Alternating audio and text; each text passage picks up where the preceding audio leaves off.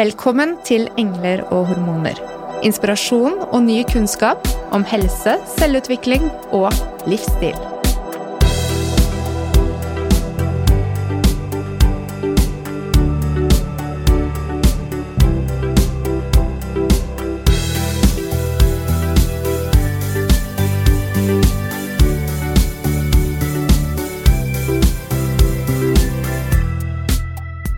Ukens episode er en episode som ligger våre hjerter nære. Som kvinner, mødre og ikke minst som terapeuter. Daglig møter vi kvinner i klinikk som oppsøker hjelp for kvinnehelseplager. Mange ganger er de møtt uten forståelse i helsevesenet, nettopp fordi kvinnehelse ikke er prioritert i grunnutdanningene innenfor medisinske profesjoner. For å backe akkurat den utdannelsen jeg kom med her, så henviser vi til kilden kjønnsforskning. Samtidig så er mye av informasjonen vi deler i dag, også erfaringsbasert. For sånn er det. For kvinnehelseforskningen det er ikke en prioritet. Både pga. status, men også pga. penger. Vi ønsker også å understreke at dette temaet med fødsel er et tema som vekker følelser. Sterke følelser hos oss alle. De som har, ikke har, kunne ønske har opplevd en traumatisk fødsel eller svangerskap, eller på den andre siden hatt en helt fantastisk opplevelse rundt fødsel. Samme hvordan den ser ut eller utvikler seg.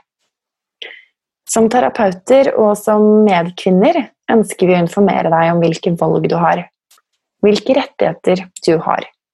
For det er du i hele deg, i hele din historie, kropp, sjel og intellekt som skal føde et barn. Alle fødsler er ulike. Ingen fødselshistorie eller opplevelser er like. Men vi har et sterkt ønske om at du som medkvinne skal kunne være delaktig i din egen fødsel. Samme hvordan den ser ut eller utvikler seg. Det er kun de få tingene vi kan styre over, som vi kan kontrollere i fødsel. En fødsel skjer på en eller annen måte. Vi ønsker gjennom denne episoden å vise deg et alternativ til forberedelse. Og du må selv finne din fasit på hvordan du ønsker å forberede deg til dagen som vil endre hele resten av livet ditt. Ja, Mona, hva tenker du? Vi møtes jo i denne passion for kvinnehelse som vi går i daglig både i klinikken og i podkasten. Hele grunnen til at vi er her, det er nettopp kvinnehelse. Og når det kommer til fødsel, så er det kanskje en av de tingene som vi snakker mest om på kontoret, på klinikken også. Absolutt. Jeg blir litt sånn nysgjerrig. Jeg vet jo godt at du har født tre barn, men kanskje vi skal dele litt av oss selv, og ikke minst også om våre egne fødselshistorier i dag, bare for å vise det mangfoldet som er, da. Absolutt. Det er uh, viktig for meg å understreke at jeg har respekt for så mange ulike typer fødsler. Mm. Fordi jeg har sett og snakket med kvinner nå i årevis eh, om fødsler. Og forberedelse til, eller rett og slett bearbeiding av denne hendelsen. Ja, det tror jeg er viktig, det du sier med bearbeiding av fødselen. Ja, det er eh, viktigere enn det vår kultur gir plass til, kanskje. Mm. Og vi vet jo at eh, dette med fødsler og opplevelser rundt fødsel er eh, for mange veldig traumatisk. Og det har vært dramatiske historier som, som vi begge har møtt i klinisk praksis, som setter preg på ja, i hvert fall meg som kvinne. At, at det er um, Det er ikke alltid at det går som planlagt. Og det har, har jeg veldig stor respekt for. Ja, jeg tenker at vi må i denne episoden da, som skal handle om det å få en positiv fødselsopplevelse, at vi skal romme vi må romme alt og alle samtidig. Ja. Om vi eh, skal snakke om det at vi kan eh, gjøre det beste ut av enhver fødsels Enhver fødsel. Ja, altså det du det du sier der, det er jo um, Det er jo så tøft, fordi vi vet jo nå at det sitter kvinner og lytter til oss som har hatt veldig dramatiske fødsler. Ja. Og jeg vet at mange kan føle seg provosert over at vi prøver å ha en positiv vinkling på noe som for deg da, som sitter og lytter til dette her, kanskje har vært noe av det mest dramatiske du opplevde i livet ditt. Og eh, allikevel så må vi anerkjenne at det er ikke slik for alle. Og den største tristheten i dette er også kanskje de som ikke får hjelp til å bearbeide det de har behov for etterpå. Mm. Eh, meningen med episoden i dag er jo nettopp å vise at det finnes alternativer for fødselsforberedning. Og jeg må si, når eh, vi skulle ha vårt første barn i 2009, da var jeg ganske ignorant overfor kvinnehelse selv. Jeg står veldig i stil til Kilden kjønnsforskning. Jeg hadde gått gjennom grunnutdanning og kunne det jeg trodde var nok om kvinnehelse og fødsel. Men når det kom til stykket, så fikk jeg erfare at dette med å gå gravid, det er selvfølgelig en naturlig prosess. Og det er ikke en sykdom, men det er definitivt en prosess som skaper store endringer i kroppen. Mm. Tror du det, Mona, du som har sett eh, Eller vi har jo møtt mange, mange kvinner i klinikk, og jeg selv gikk også i den fellen av at jeg trodde eh, at man kunne leve livet akkurat som før når man ble gravid, og gjerne presset på til det ytterste hele veien for å kunne, kunne prestere. Da. Og det er noe jeg syns at jeg ser igjen hos veldig mange førstegangsfødende og førstegangsgravide. At, at man gir ikke rom til å ja, romme alt det som, som en graviditet er, da. Også med tanke på forberedelse til fødsel. Jeg skjønner det litt, da. Eh, siden vi begge har hatt den erfaringen selv, så er det noe med at du går til noen som du ikke aner hva er, og da er det så lett å gå på de vante mønstrene. Vi har begge vært ganske flittige studenter og jobbet mye og hatt et hode som har fått lov til å sette mål og hatt prosesser for å nå målene våre. Og så plutselig så kommer det noe som vi ikke kan styre selv. Men det er vanskelig å legge fra seg hodet i den prosessen og tenke at det, her er det noe annet som styrer meg. Mm. Eh, jeg syns definitivt det var enklere gang nummer to. Når jeg hadde vært gjennom prosessen en gang før. For da kunne jeg mer planlegge. Og jeg syns nettopp disse fasene av svangerskapet er så utrolig spennende fordi at med riktig ja, forberedelse til hver gang du møter nye utfordringer i svangerskapet, så kan man altså gå inn med tiltak eller behandling eller øvelser som gjør at funksjonen blir støttet. Da. Mm. Det er vel nettopp det vi skal snakke om i dag i forhold til fødsel også. At det er rett og slett fysiske prosesser som skjer i kroppen vår, som vi ikke kan kontrollere med viljen, men vi kan jobbe med kroppen. Ja, og det er så viktig at vi kan jobbe med den. Og vi snakker jo om at eh, fødsel i utgangspunktet jo er en kroppslig prosess. Ja, og selvfølgelig kan den være medisinsk hvis det er behov for intervensjoner pga. helsefare for mor eller baby. Men øh, jeg har jo hatt da tre fødsler uten medisinske intervensjoner og hatt erfaring fra å føde på tre ulike avdelinger eh, med akupunktur og lystgass i første fødsel. Og en pudendalnerveblokade i fødsel nummer to og en ABC-fødsel uten noen intervensjoner tredje gang.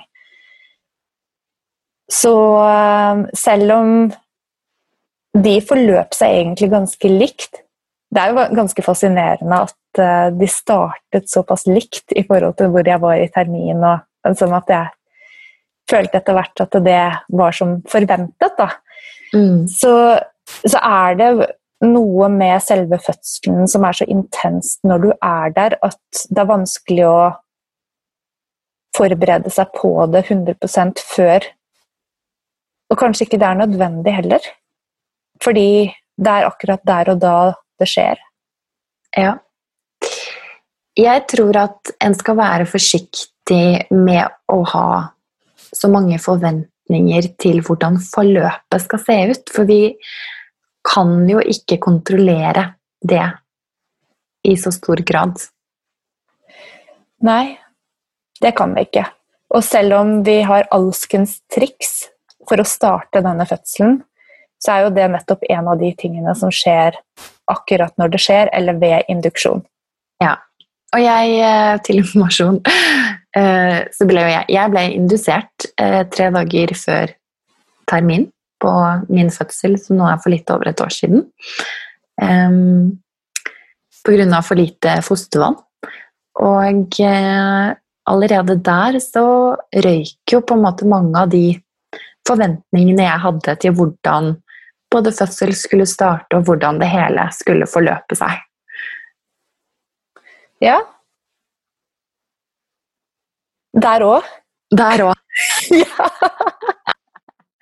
Men sånn er det jo, da. Det, det, det, bare skjer. Og jeg tror at hvis vi har en god nok forberedelse, og hvis vi klarer å jobbe godt med oss selv og de få tingene vi faktisk kan styre under um, den situasjonen som um, Kall det ukontrollerbar, så vil vi Ja, vi, vi vil være mer delaktig i den fødselen vi får, da. Og Det tror jeg er kjempeviktig også for bearbeidelsen etterpå, og for selve opplevelsen av å føde. Ja, og jeg må si de siste elleve årene siden jeg faktisk ble gravid da, og fikk denne sånn eh, spennende møte med kvinnehelse, mm. så har, har, jeg jobbet primært med kvinnehelse. Fordi jeg synes at det er fantastisk spennende, og så er det engasjerende fordi at vi ennå ikke er prioritert på den måten som er nødvendig for at kvinner skal få best mulig livskvalitet mm. med sine spesielle plager. Mm. Og eh, jeg har jo møtt mange ulike tilnærminger til å forberede seg til fødsel. Ja.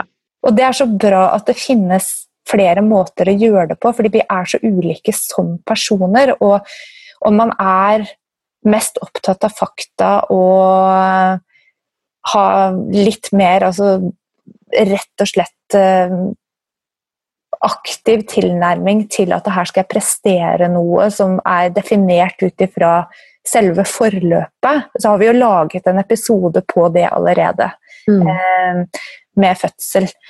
Men um, så er det dette her med hvordan spille på lag med kroppen. Og jeg synes jo at det var utrolig spennende når jeg møtte gjennom en meditasjonslærer som jeg har trent med i uh, USA. Og hun, da hun ble gravid, så valgte hun hypnobirthing. Og fortalte mye om hva dette betød for henne, både før, underveis og etter fødselen. Og dette med hypnobirthing har jo kommet veldig sterkt som en type trend nå eh, den siste tiden, og nå også til Norge.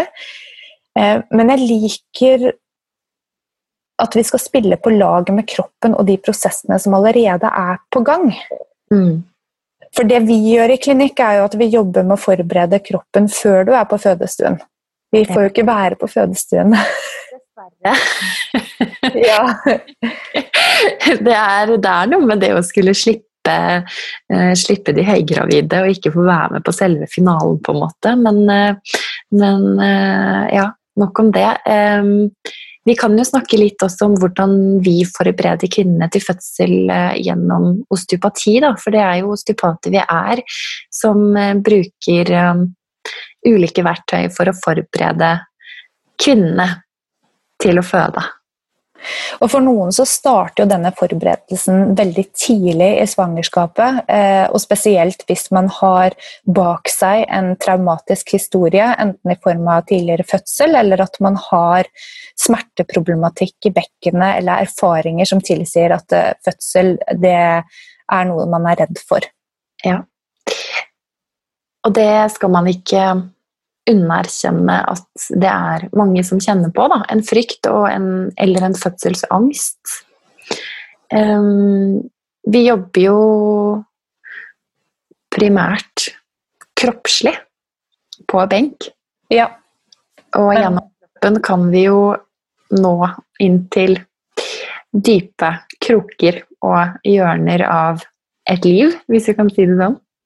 Definitivt. Jeg tenker For det første er det fantastisk å behandle gravide, for du behandler ikke bare en kvinne, men du behandler jo en baby eller et foster også. Så du har to personer på benken, og alle disse fasene som vi går igjennom der babyen vokser og moren vokser, er jo fantastisk spennende. Ja. Men det mentale får vi ofte også hjelp til fra jordmor, psykiatrisk jordmor eller samtale på sykehuset eller med psykolog som tar andre deler av den mentale fødselsforberedelsen enn det vi gjør. Mm. Ehm, for min del så tenker jeg spesielt på dette med bekkenbunnen fra uke 20. At man er oppmerksom på at den skal styrkes. Altså egentlig tidligere, men det er fra uke 20 den virkelig begynner å få utfordringer. Og det er jo mange som tror at bekkenbunnen ikke skal trenes i svangerskapet fordi at det gjør fødselen vanskeligere, men det stemmer ikke. Nei, for det, det Ja, nei, det jeg har også hørt flere som kommuniserer, eh, som kommuniserer det. Men vi kan jo snakke litt om hva som skjer da, fra uke 20-25 med bekkenbunnen. Bare sånn kort, det er jo det at um, når barnets vekt øker, så endres også hele bæringen ned imot bekkenbunnen. Um, det, det blir større trykk, rett og slett? Det er akkurat det, og det kan jo medføre en rekke plager. Og en del plager som eh, hemoroider, variser, altså åreknuter i kjønnsleppene, i underlivet, smerter. Um, noe vi er altfor dårlige til å egentlig kommunisere eller snakke om, så det er derfor jeg nevner det nå. Jeg tenker det er fint at vi nevner det. Veldig plagsomt og veldig viktig å adressere, sånn at kvinnene kan få best mulig hjelp med å ha et funksjonelt aktivt svangerskap med så lite smerte som mulig. Fordi Begynner dette å komme så tidlig, så vil det ikke bli bedre. fordi den babyen og det trykket det blir bare tyngre og tyngre. Mm. Så det er jo bekkenbunnen relativt, altså ca. halvgått i, i svangerskapet og videre fremover. Men ja, når fødselen nærmer seg og kvinnen er per definisjon høygravid, så er jo også bekkenbunnen en viktig del i forberedelsen gjennom det å sørge for at um, det ikke er en hypertonisitet der, da, eller en, en spenning i bekkenbunnsmuskulaturen.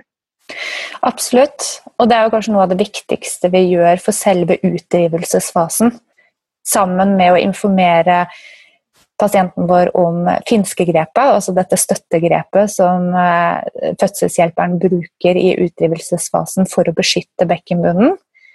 Og instruksjon i egenmassasje av bekkenbunnen eller perineum eh, for å forberede vevet på å være tøyelig og mottagelig for å kunne forlenge seg tre ganger sin egen lengde i selve fødselsøyeblikket uten skader. Det er jo helt sykt. Det er helt sykt. Det er helt fantastisk. Og det er jo ikke bare det vi gjør som forbereder kroppen, fordi det pøses ut hormoner i systemet som nettopp støtter fødselen. Ja. Men eh, det er som å forberede seg til en eh, aktivitet som du vet du skal gjøre. Hadde det vært at du skulle i en idrettskonkurranse eller du skulle prestere noe, så ville du også jobbe med å legge forutsetningene til rette for å kunne gjennomføre uten skader. Og det er det samme som vi gjør da i eh, forberedelse til fødsel. Mm. Og det er jo litt av det vi gjør på benk, og så nevnte du jo det med um, egen massasje av bekkenbunnen, eller at partner hjelper til, eller hvordan man velger å løse det.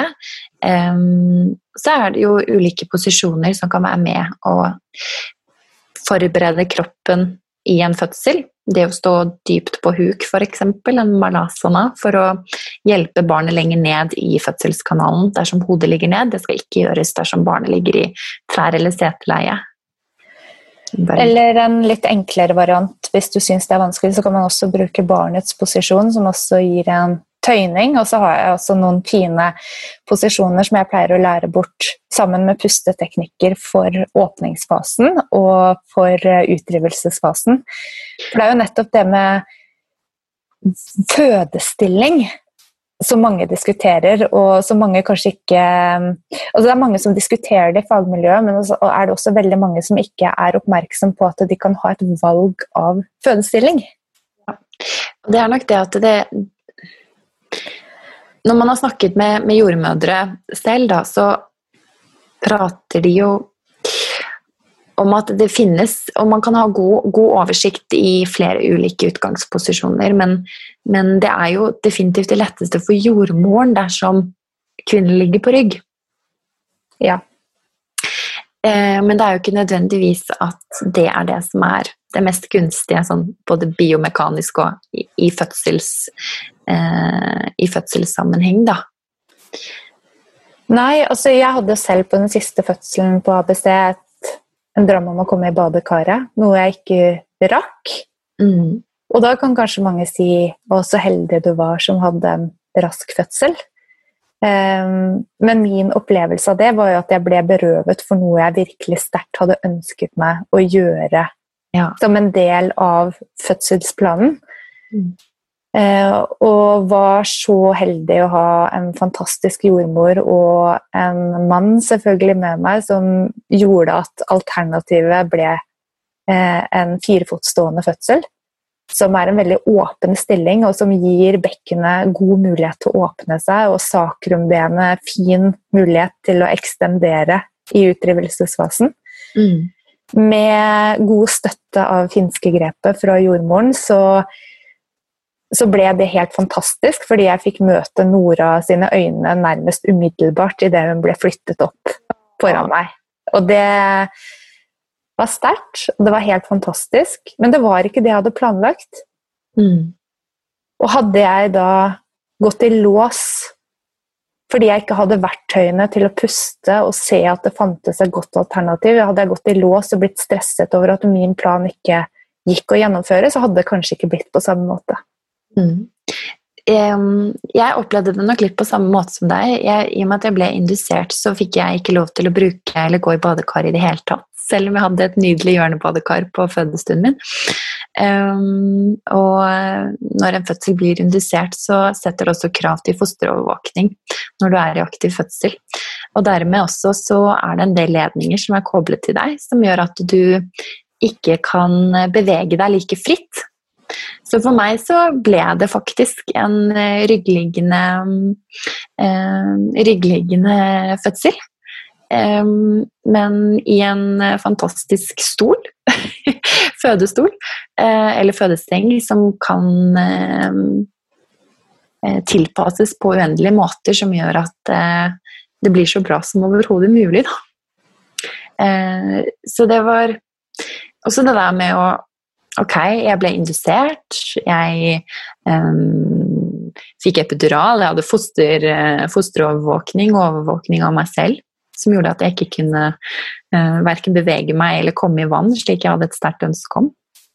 Men likevel så hadde jeg disse verktøyene som jeg hadde trent på, da, og som jeg jo, eller vi, um, ønsker så gjerne å få lært bort og, og vise viktigheten av overfor våre kvinner som vi møter i klinikk. Um, som jo gjorde at det ble en fantastisk sterk opplevelse. Jeg fikk tatt imot min egen sønn. Um, selv om ingenting på, på, listen over ble gjennomført slik jeg hadde trodd og ønsket. Og her er vi da, Ingvild. Ja. Noen erfaring rikere og fremdeles fulle av spørsmål til hvordan vi skal kunne legge til rette hver eneste gang vi møter en kvinne som skal føde. Og for de av dere som sitter der ute, så er dette en episode der vi skal få et eksempel på hvordan du kan forberede deg til fødsel, og en type fødselsforberedelse og hypnobirthing som metode som vi har fått uendelig mange gode tilbakemeldinger på. Og Det er derfor vi ønsker å løfte frem Line med positiv fødsel i dag. Velkommen til studio, Line. Tusen takk for det. Kan du fortelle litt uh, mer om deg selv? Ja, så um, jeg er altså utdannet KG hypnobirthing-lærer og gravideyogalærer. Og i fjor startet jeg mitt hjerteprosjekt Positiv fødsel, som er et kurs, et fødselsforberedende kurs i hypnobirthing. Så eh, når vi snakker om fødsel, så tror jeg det er mange som umiddelbart tenker på å, smerte eller en stor jobb som skal gjennomføres. Hvis du er en treningstype, så tenker jeg liksom, dette er mitt livs maraton. På en måte Du ser på det som en kamp, eh, eller noe du skal igjennom. Hva har du å si til det, Line, i forhold til det perspektivet du eh, kommer med? Ja, altså I mitt fødselskurs så fokuserer vi veldig mye på at vi vil at kvinner skal ta tilbake troen på sin egen fødeevne. Så dette er jo noe vi er skapt for å gjøre. Så ja, selvfølgelig er det et slags det, Du kan egentlig i noen, i noen sammenhenger um, sammenligne det med et maraton. Det er um, en jobb du skal gjøre, men det er hvis du har de riktige forberedelsene, hvis du, hvis du, bruker de riktige teknikkene, hvis du har informasjon som du trenger på forhånd til å ta de riktige valgene og å vite hvordan fødselen din faktisk er laget for å gjøre denne jobben, så tror jeg at fødsel kan bli veldig annerledes for veldig mange. Og du har kanskje erfart det også gjennom eh dine egne opplevelser og gjennom andre sine opplevelser eh, etter kurset ditt. Kan du ikke fortelle litt om hvor du kommer fra her nå, Line, med denne erfaringen og kompetansen som du har tatt med deg hit til Norge? Jo, det kan jeg gjøre. Så jeg bodde i England i nesten ti år. Og når jeg ble gravid med førstemann i 2016 Så eh, jeg er en litt sånn type som nekter å godta at eh, ting må være sånn bare fordi at alle sier at det er sånn. Så når jeg tenkte på fødsel og alt jeg noensinne hadde hørt om fødsel, så tenkte jeg at nei, det må finnes noe der ute som kan gjøre denne opplevelsen bedre. Så jeg eh, er faktisk utdannet eh, journalist. Så det jeg gjorde, det var at jeg begynte å uh, gjøre veldig mye research og tenkte ok, det må finnes en eller annen magisk uh, kur her ute som kan gjøre fødsel bedre. Så jeg gjorde mye research. og hver gang jeg kom på en jordmorsamtale, så spurte jeg eh, jordmødrene hva deres aller beste råd var. For jeg sa liksom dette er jo noe kvinner gjør hver eneste dag. Jeg nekter å tro at det er ingenting som er funnet opp som ikke kan gjøre denne opplevelsen bedre og enklere. Og fra første møte med jordmor så snakket hun om hypnobirthing. Og dette er altså noe som de har tatt inn i det offentlige helsevesenet, DNHS, i England fordi at det funker. De ser effekten som det har på fødende kvinner som går fra å være veldig veldig engstelig til å på, um, veldig, veldig engstelig i forkant av fødselen, til å bli veldig trygge på seg selv, stole på seg selv. De lærer hvordan kroppen fungerer og hvordan du faktisk kan spille på lag med kroppen. Um, og de, de, kan tilegne seg informasjon som de trenger, så de kan faktisk ta de riktige valgene for seg og sine barn.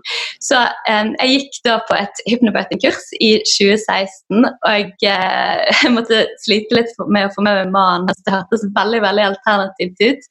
Uh, så sendte faktisk en e-post til uh, hun som holdt kurset på forhånd og sa at beklager, men mannen min er veldig, veldig skeptisk. Men når vi kom på dette kurset, da, og i første møte, det første kvelden vi var ferdig med den, så var begge to bare helt overbevist om at vi kunne ikke forstå at det var noen annen måte å rett og slett føde på, for det var så logisk, det vi lærte. Um, som jeg sikkert skal gå inn på litt seinere. Men um, når jeg kom tilbake da, til Norge um, og skulle føde nummer to her i 2019, så spurte jeg alle jeg hadde, jeg hadde jeg møtte på jordmortimer på sykehuset, på kontroller, om de hadde hørt om hypnobirthing her i Norge. Og jeg møtte ikke en eneste person som sa at de hadde hørt om det. Jeg syns det var så utrolig at jeg da bestemte meg for å dra til England og ta denne sertifiseringen innen KG hypnobirthing og ta dette med til Norge. Og det er vi veldig takknemlige for. jeg hørte at en fødsel er ikke en intellektuell opplevelse eller en intellektuell hendelse. Det er kroppslig. Det stemmer.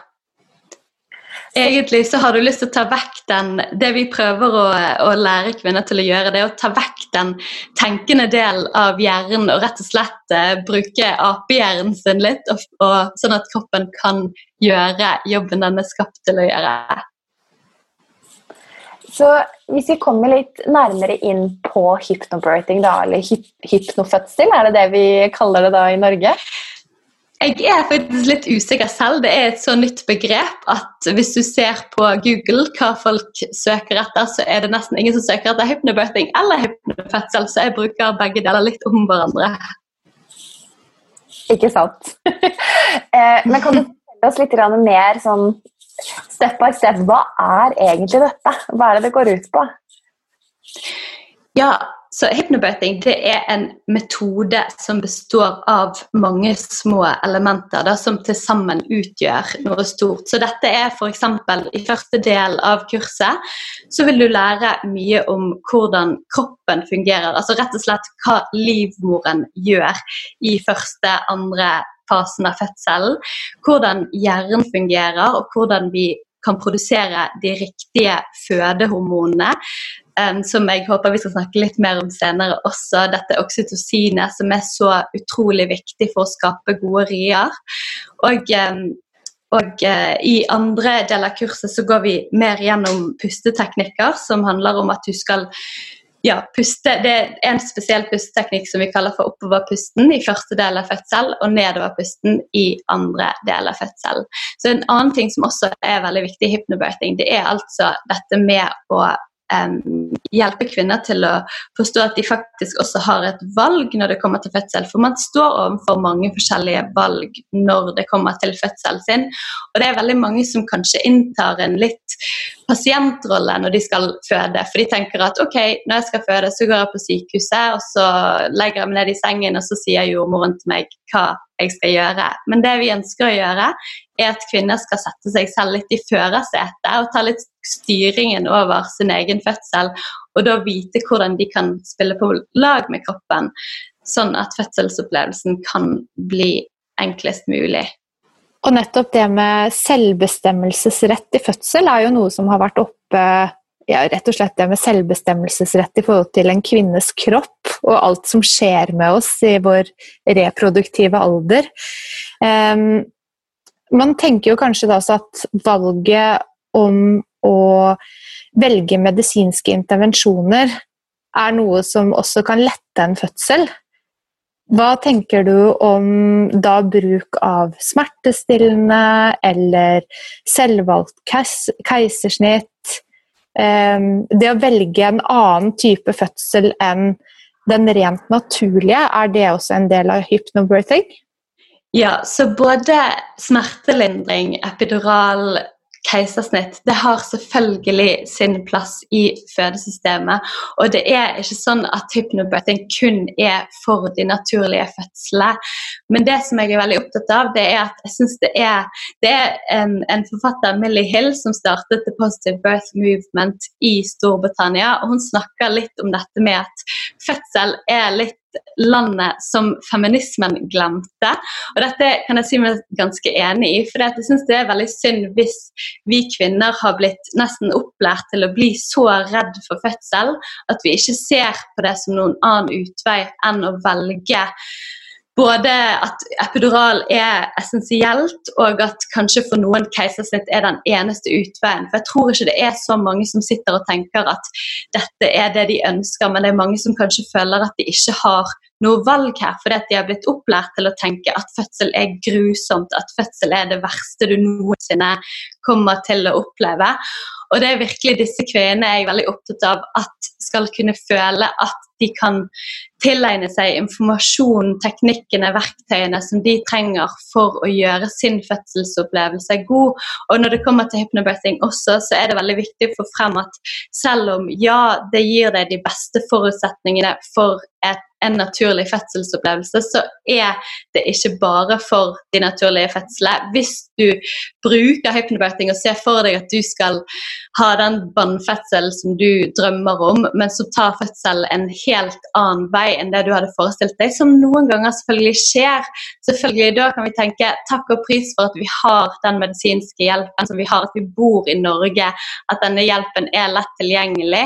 Det er så bra, og kanskje til og med da får du enda mer bruk for teknikkene som du har lært på kurset når det kommer til både avspenning, pusteteknikker for det er nemlig sånn at det eneste, I fødsel så er det det eneste vi virkelig kan kontrollere, det er på en måte den indre delen.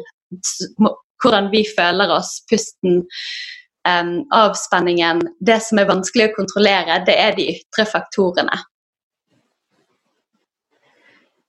Absolutt. Eh, jeg bare kommer til å tenke på Nå skal ikke jeg bli en sånn som bare sitter og prater om min egen fødsel, men eh, min fødsel ble indusert Uh, og da jeg lå andre Det lå to netter helt alene på Obs-posten på fellesrom, og jeg, jeg, jeg syntes det var ganske tøft. Men jeg hadde en hypnobirthing-app på mobilen og hørte på lydsporene, som gikk veldig mye på avspenning og ja, avspenning, da. Og for meg så gjorde det så mye at jeg klarte å komme meg gjennom bare den natten. Um, så fantastisk. Jeg var jo ikke hva skal man si, den eh, naturlige Akkurat det som man kanskje ser for seg at Det ideale, da, for mange. Ja, tenker du i, Ja, i forhold til denne, det som du tenker i forhold til hypnobirthing, at mange ser på det som noe som bare fungerer hvis du vil ha en naturlig fødsel? Ja, det er det jeg tenker. Ja, ja. og det er, dette er kanskje den største um, altså misforståelsen når det kommer til hypnobirthing, og noe som jeg virkelig fokuserer veldig mye på. Jeg snakker om det som en egen del i kurset fordi at jeg tenker det er så viktig at vi ikke føler at fødsel må se ut på en spesiell måte. At en positiv fødsel er en vannfødsel, eller at en positiv fødsel er en rask fødsel, eller at en positiv fødsel ikke kan bli positiv hvis man um, blir indusert. Så Derfor syns jeg også at dette er veldig viktig å få frem. For jeg tenker jo at hvis du måtte opplever disse innblandingene i fødselsforløpet som at du um, fødsel blir satt i gang, at du trenger tang, vakuum, keisersnitt, så er det jo kanskje da enda viktigere å vite at du har med deg disse verktøyene i bagasjen. Mm.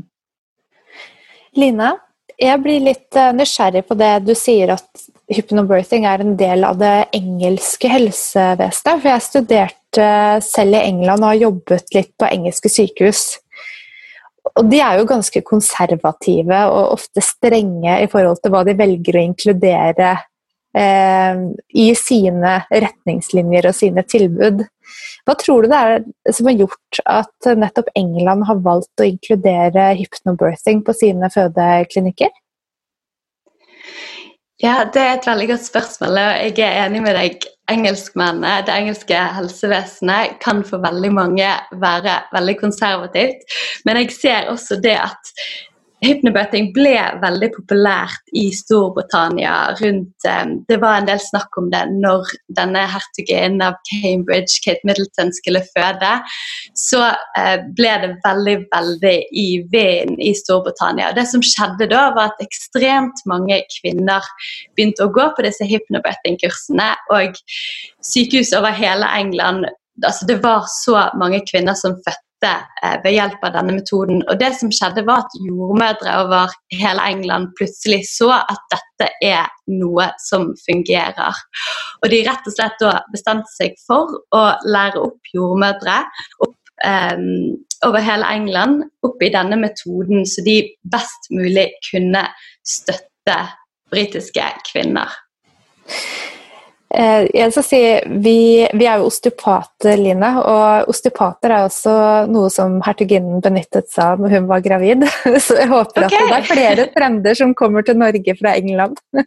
Ja, absolutt. Ja. Men, eh, men eh, i forhold til altså selve hypnobirthing-prosessen hva er det egentlig dere jobber med når du går gjennom en hypnobirthing-opplæring? Og nå tenker jeg for kvinnen som skal føde, ikke for deg som er instruktør. Ja, så hovedfokuset i en hypnobirthing det er egentlig å ta bort den iboende frykten de aller fleste av oss har for å føde. Og det er kanskje her selve nøkkelen ligger. fordi at det var, så Hypnobirthing-metoden er basert på arbeidet til den britiske fødselslegen Grantley Dick Reed, som på 1930-40-tallet skrev denne boken 'Childbirth Without Fear', der han forklarte at han kunne se at kvinner som fødet uten frykt, hadde tilsynelatende mye enklere fødselsopplevelser enn kvinner som var veldig engstelige. Så det som han så, det var at Eller hans teori gikk ut på at den, Han kaller teorien sin for fear tension pain. Så hvis du er veldig redd under fødsel, så spenner du muskler i kroppen din. Og som vi ser på under kurset, det kroppen din prøver å gjøre under fødsel, det er jo nettopp å åpne seg opp for å skape rom til at babyen kan fødes. Så hvis du er veldig, veldig redd, så anspenner du deg, og da jobber du da imot disse musklene. Og da vil du oppleve mye mer smerte enn du ville gjort hvis du var avspent. Så det er også noen som kommer til hypnobirthing og sier ja, men jeg er ikke redd for å føde i det hele tatt, så er dette kurset fortsatt for meg. Men absolutt, for hvis du tenker på alt vi noensinne har hørt og lært om fødsel.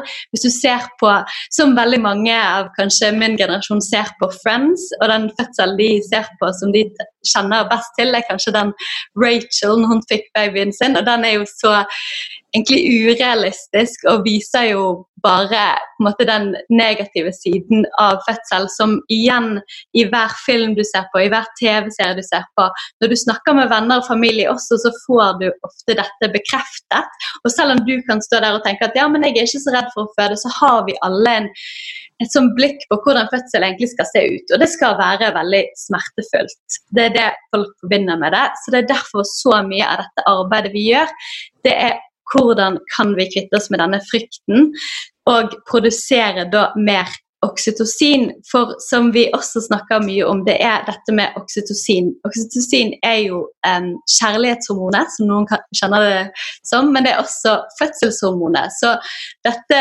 kjærlighetshormonet som du produserer når du blir forelsket, når du kysser, klemmer, ler, har sex um, Dette hormonet som er dette feel good-hormonet, uh, da dette hormonet er det samme som er med på å starte fødselen din, og som er med på å forsterke riene under fødselen din. Og Det som er superinteressant, er å se, og forskning viser også, at um, oksytocin og adrenalin adrenalin som vi produserer når vi er stresset eller redd eller engstelig, de to kan ikke eksistere samtidig. Så det betyr at hvis du er veldig veldig redd, veldig engstelig, så produserer du adrenalin, og da kan du ikke produsere oksytocin, dette fødehormonet som da gir deg bedre rier. Så jeg håper det forklarte ja, litt av bakgrunnen.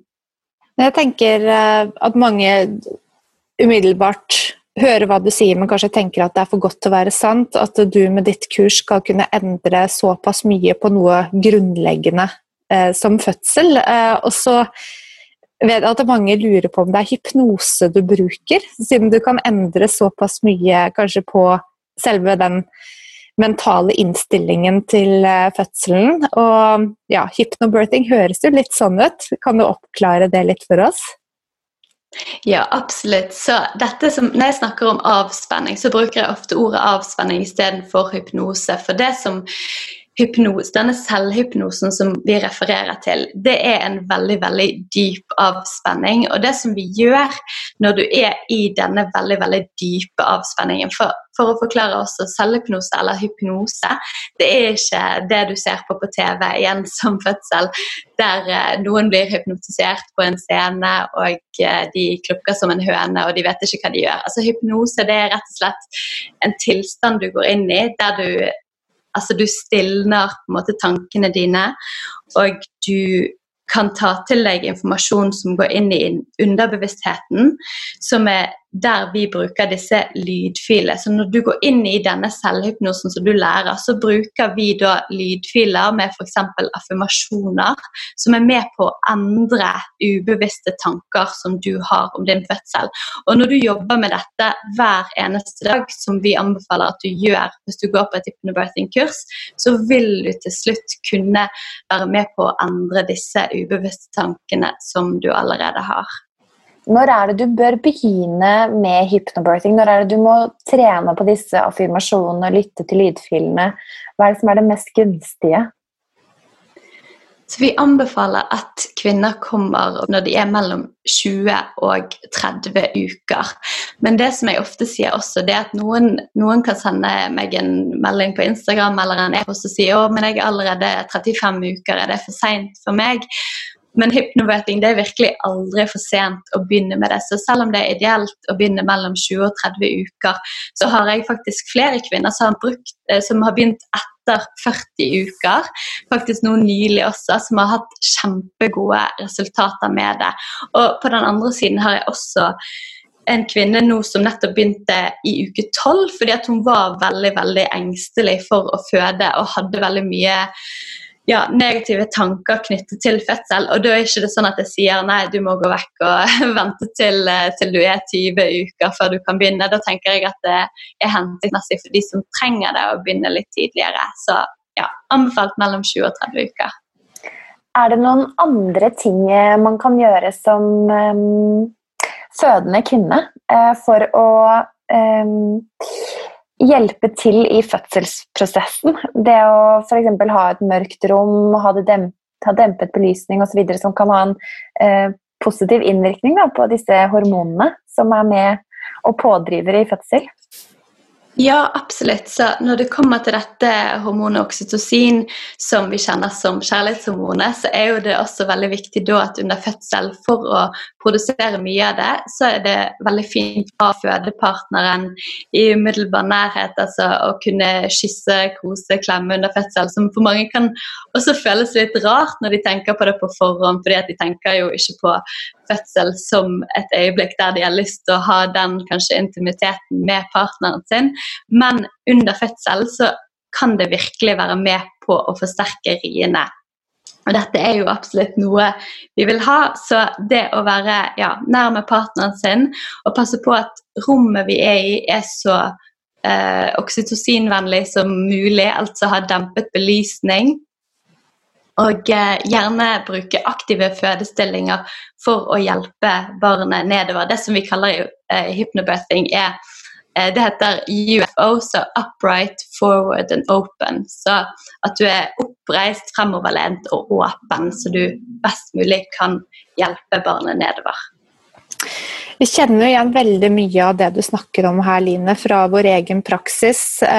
fordi det er nettopp det med å finne elementer som kan støtte den naturlige prosessen. Jeg syns det er litt fascinerende hvordan vi kvinner forventer at slike ting som fødsel og et, tiden etter fødsel skal være bare en prosess som skjer med oss. At vi ikke er så opptatt av å ta en aktiv del i denne fasen som er forberedelse til fødsel, fødsel og tiden etterpå, det er jo enorme endringer som skjer med kroppen i denne korte tidsperioden det er derfor jeg brenner så ekstremt for dette. fordi jeg føler at som kvinner så fortjener vi å vite at det virkelig er noe der ute som kan hjelpe oss i denne prosessen, i stedet for at vi bare blir fortalt at ja, men det er bare helt grusomt, det er bare noe du må igjennom fordi at du er kvinne. Det hjelper ingen når eh, man, man, sier det til hverandre, men likevel så er dette på en måte, måten vi eh, ja, er vant til å bli fortalt om fødsel på, um, på forhånd. Eller fra tidligere. Ja, En ting jeg har lyst til å skyte inn også, som um, jeg husker var et veldig godt tips fra min jordmor, som jeg ble fulgt uh, tett opp av under um, svangerskapet, det var du må ikke slå deg til ro hvis du møter en jordmor på fødestuen som ikke du har kjemi eller kontakt med, eller som ikke du føler en tillit til. Ikke vær redd for å bytte vedkommende ut. Mm. Det vil bare være takknemlig for selv også som jordmor. fordi det er jo sånn at inne på en fødestue så, så blir du tildelt en jordmor, og det er jo ikke alltid at kjemien er der. Og det er en person som man kommer til å huske resten av livet. Så det skal i hvert fall ikke stå på det da, for at man får en god eller dårlig fødselsopplevelse. Ja, det er helt sant. Og jeg tror ofte det, dette er også en del av det som jeg tenker med at uh, som når vi er fødende, så er vi ikke pasienter. Altså vi er kvinner med rettigheter, og vi har lov til å ta en aktiv rolle i vår egen uh, fødsel. Og det er så viktig derfor at vi ja, tilegner oss denne informasjonen på forhånd, sånn at vi faktisk vet hvilke valg det er der ute. Så vi, vi trenger ikke alle passe inn i en sånn mal og måtte legge oss ned på ryggen fordi at noen forteller oss at vi må gjøre det. Selvfølgelig i noen, i noen sammenhenger så vil jo det være hensiktsmessig at man gjør det at man føder på en spesiell måte hvis det er til det beste for barnet. Men det er ikke sånn at hvis noen sier til deg legg deg ned på sengen og her skal du føde, så må du gjøre det. Og det er det jeg er litt opptatt av at kvinner vet også, at de, ja, de har valgmuligheter. En av de tingene som jeg syns er fascinerende med de pasientene jeg har hatt som har benyttet seg av hypnobirthing-teknikker, er når jeg møter de på etterkontroll etter fødsel, og man har brukt den tiden eh, før fødsel og underveis i selve fødselen på å virkelig gå dypt i seg selv og kjenne på sin egen kropp og sine prosesser. At man kan stå tryggere i å stole på sine egne prosesser etterpå også. Eh, både i det å komme tilbake til aktivitet i riktig tempo, men også å være mamma. Fordi man står i en helt ny eh, situasjon. Og at man har verktøy som kan være nyttig videre også.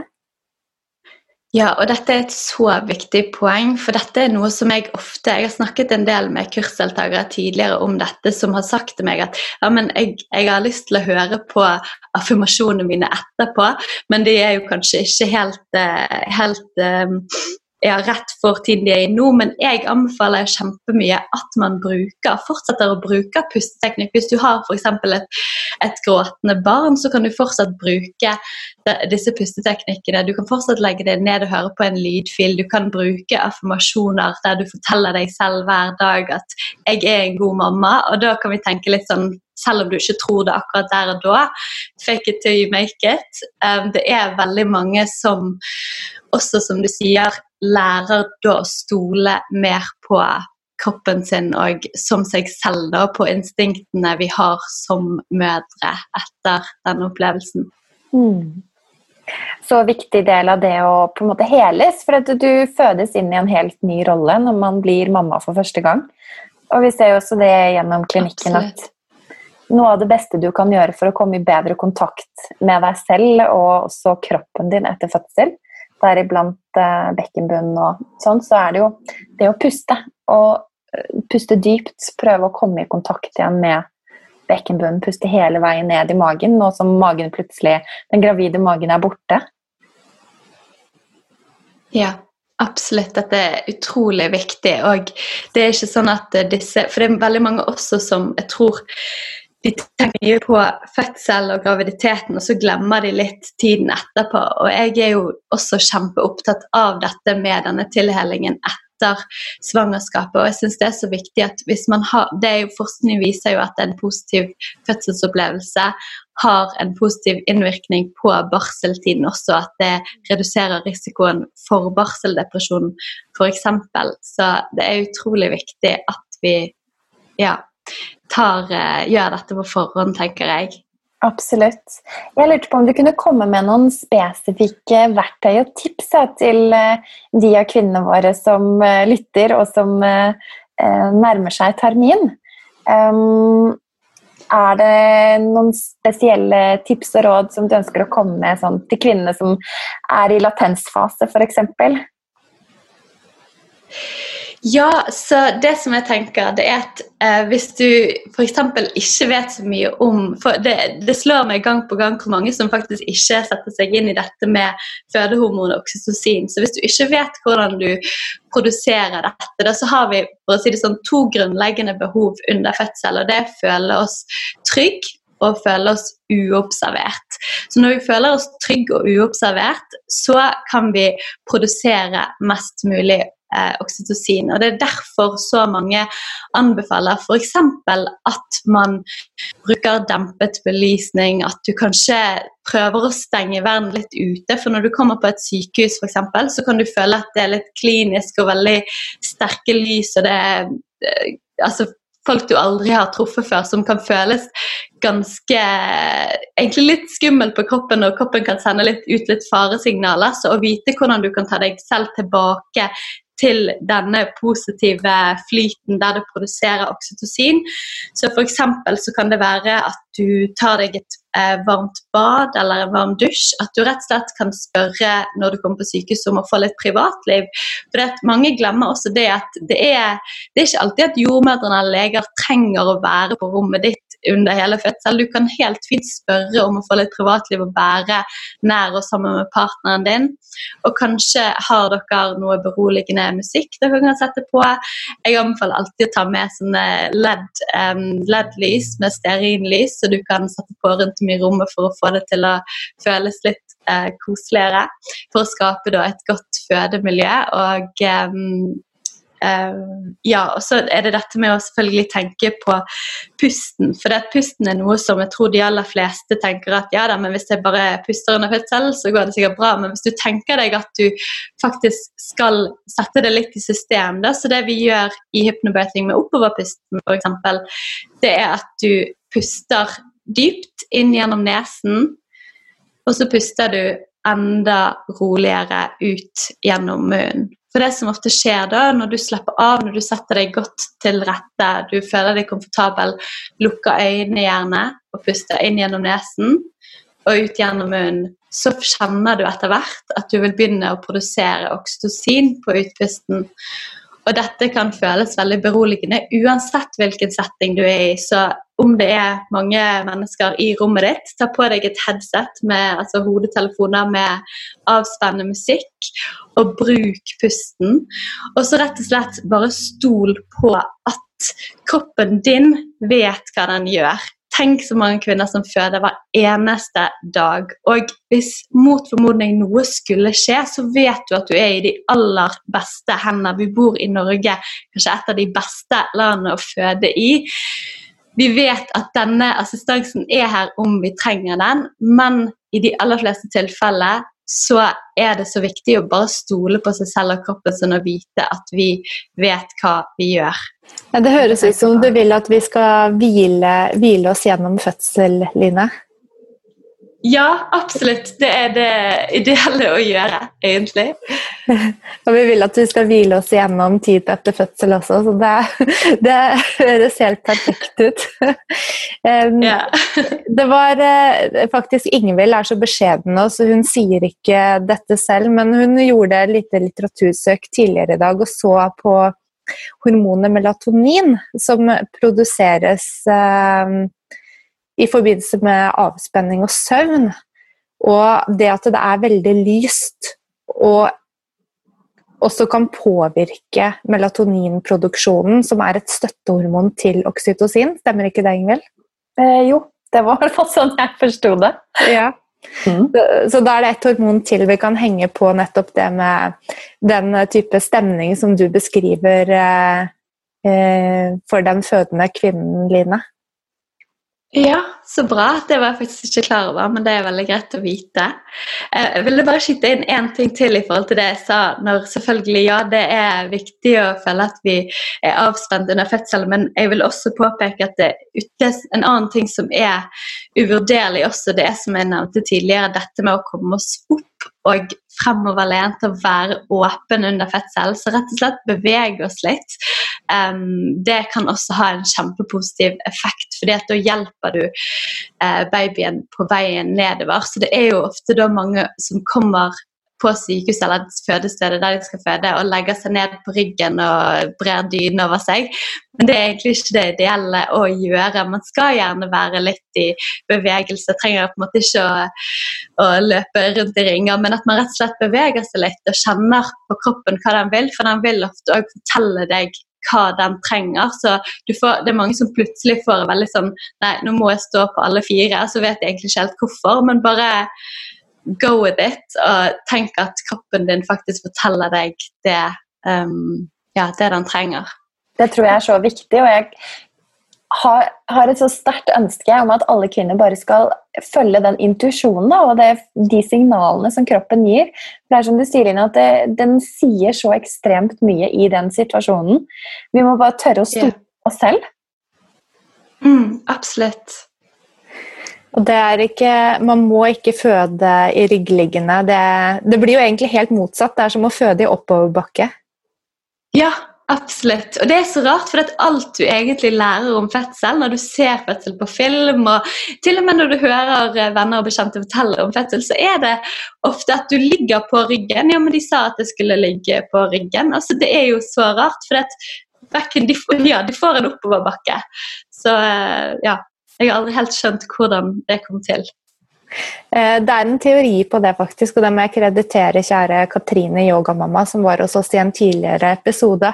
Hun forteller en anekdote på sine kurs eh, som refererer tilbake til en av de franske kongene, Louis, eh, som moret seg ved å se på kvinner som fødte, og fikk de trillet inn foran seg. Og da fikk han best utsikt til kvinnene når de lå på ryggen, og derfor ble det moderne. Eh, nå vet jeg ikke helt om det stemmer, men eh, ja. ok, ja. ja. Det, det, viser litt om kanskje hvorfor det er viktig å stille noen spørsmål med ting som eh, blir gjort under fødsel, da, og hvorfor det er viktig å tilegne seg litt informasjon på forhånd om de faktisk ja, mer hensiktsmessige måtene å føde på. Nå har vi jo vært innom det å puste oppover. Hva med det å puste babyen ut når vi kommer til utdrivelsesfasen? Ja, så i hypnobirthing så har vi denne nedoverpusten. Og dette er noe som òg mange kan tenke at de blir litt forvirret av. For de tenker ok, men hvis du ser for deg hvordan fødsel er, så handler jo fødsel om at du lukker øynene, og så presser du, holder pusten og presser så hardt du kan for at babyen skal komme ut. Så jeg må si at før jeg ble gravid, og jeg hadde ingen forkunnskaper om fødsel, så tenkte jeg også at fødsel er noe der du må bruke ekstreme krefter for å da presse denne babyen ut. Men det som veldig mange ikke vet, det er jo at muskler i livmoren når du kommer da i andre fase av fødsel, så dannes det et tykt lag med muskler på toppen av din livmor som er med på å presse babyen ned og ut. Så dette fungerer jo faktisk som et stempel. Og jeg husker jeg ble helt sjokkert når jeg fant ut av dette, for det, det er liksom ingen som forteller deg det før du går på et fødselsforberedende kurs.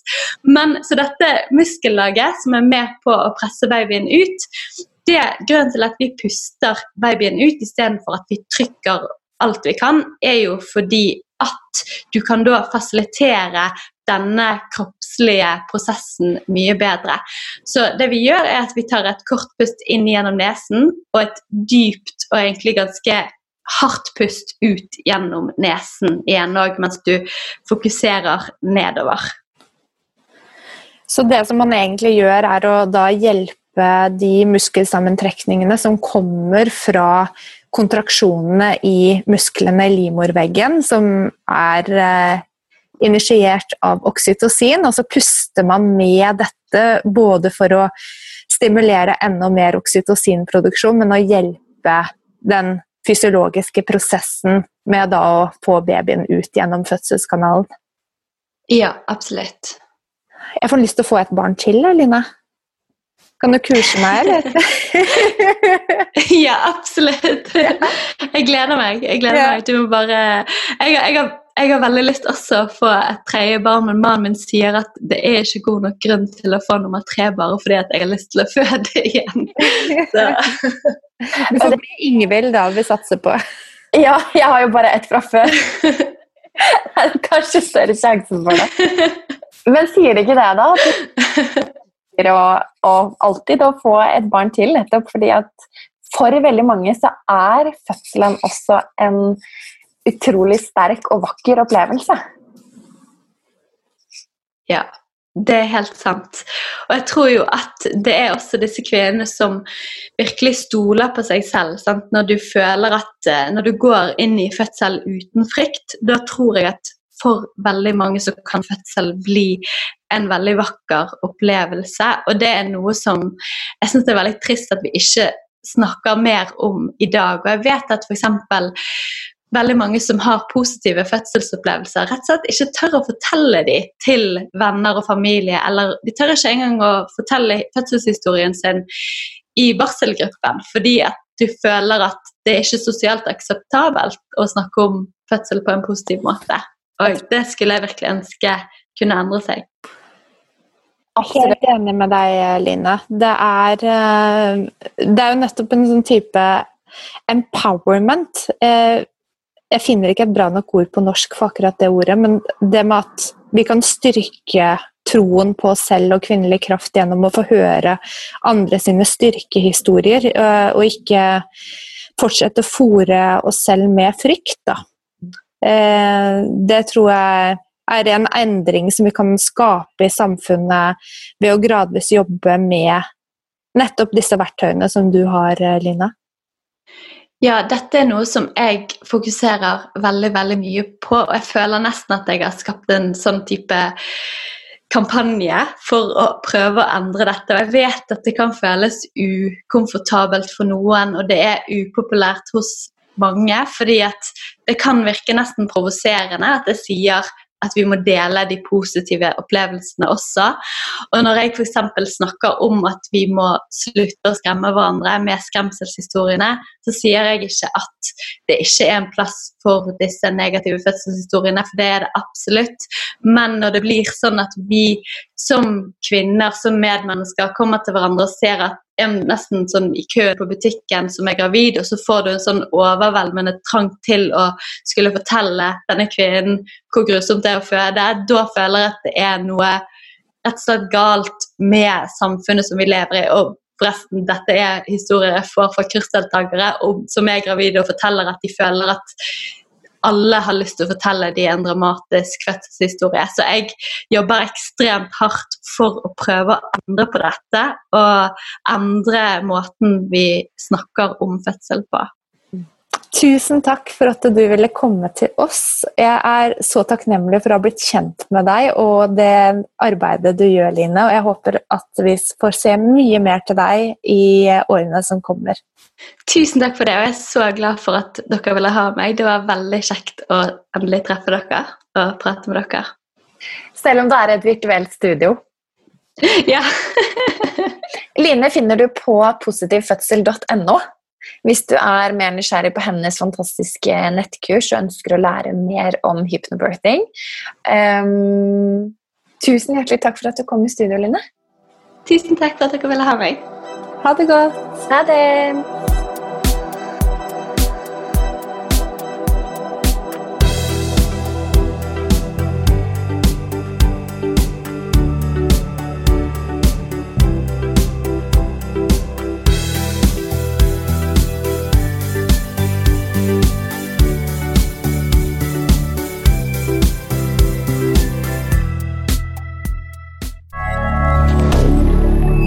media.